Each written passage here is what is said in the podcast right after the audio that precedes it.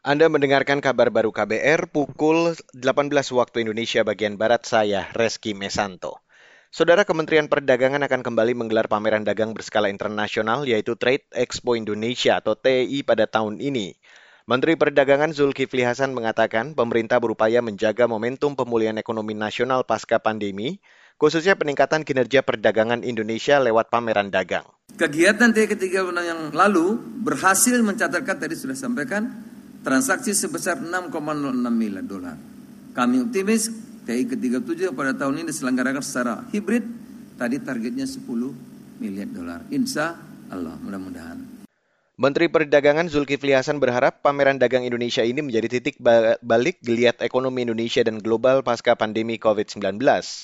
Trade Expo Indonesia ke-37 tahun ini akan memberikan kemudahan dan kenyamanan bagi pengunjung dan pembeli karena dapat melihat langsung produk yang dipamerkan lewat platform digital secara interaktif itu. Zulkifli Hasan mengatakan kementeriannya berkomitmen mengamankan pasar dalam dan luar negeri lewat berbagai program prioritas, salah satunya peningkatan ekspor. Beralih ke berita selanjutnya, Saudara. Komisi 1 DPR Bidang Komunikasi dan Informatika memastikan Undang-Undang Tindak Pidana Kekerasan Seksual atau TPKS mengatur dengan jelas pidana soal kekerasan berbasis gender online atau KBGU. Anggota Komisi 1 DPR, Kristina Aryani, mengatakan kasus-kasus kekerasan berbasis gender online yang terjadi setelah 9 Mei bisa langsung diproses menggunakan Undang-Undang TPKS. Substansinya apa aja sih? Yang jelas undang-undang ini ingin mencegah terjadinya kekerasan seksual. Jadi upaya preventifnya di sini banyak sekali. Lalu juga ingin menjamin jangan sampai kekerasan seksual ini terus-menerus berulang. Kita ingin menegakkan hukum. Kita ingin juga merehabilitasi pelakunya selama itu masih memungkinkan. Kita ingin menangani korban mulai dari pelaporan hingga pemulihannya dan tentunya ingin mewujudkan suatu lingkungan yang bebas dari kekerasan seksual. Anggota Komisi 1 DPR Kristina Aryani menambahkan dalam Undang-Undang TPKS, pelaku kekerasan berbasis gender online terancam pidana 4 tahun hingga 6 tahun penjara.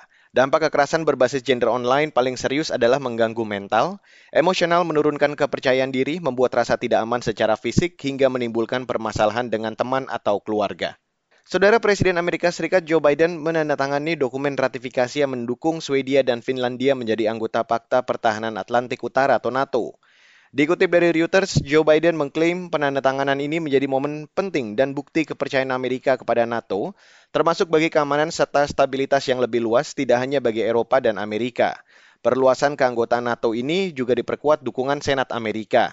Pada Februari lalu, Swedia dan Finlandia mengajukan permohonan menjadi anggota NATO. Menyikapi invasi Rusia ke Ukraina, permohonan ini ditanggapi oleh 30 negara anggota NATO dengan menandatangani protokol persetujuan yang memungkinkan Swedia dan Finlandia bergabung ke organisasi pertahanan itu. Dan saudara, demikian kabar baru saya Reski Mesanto.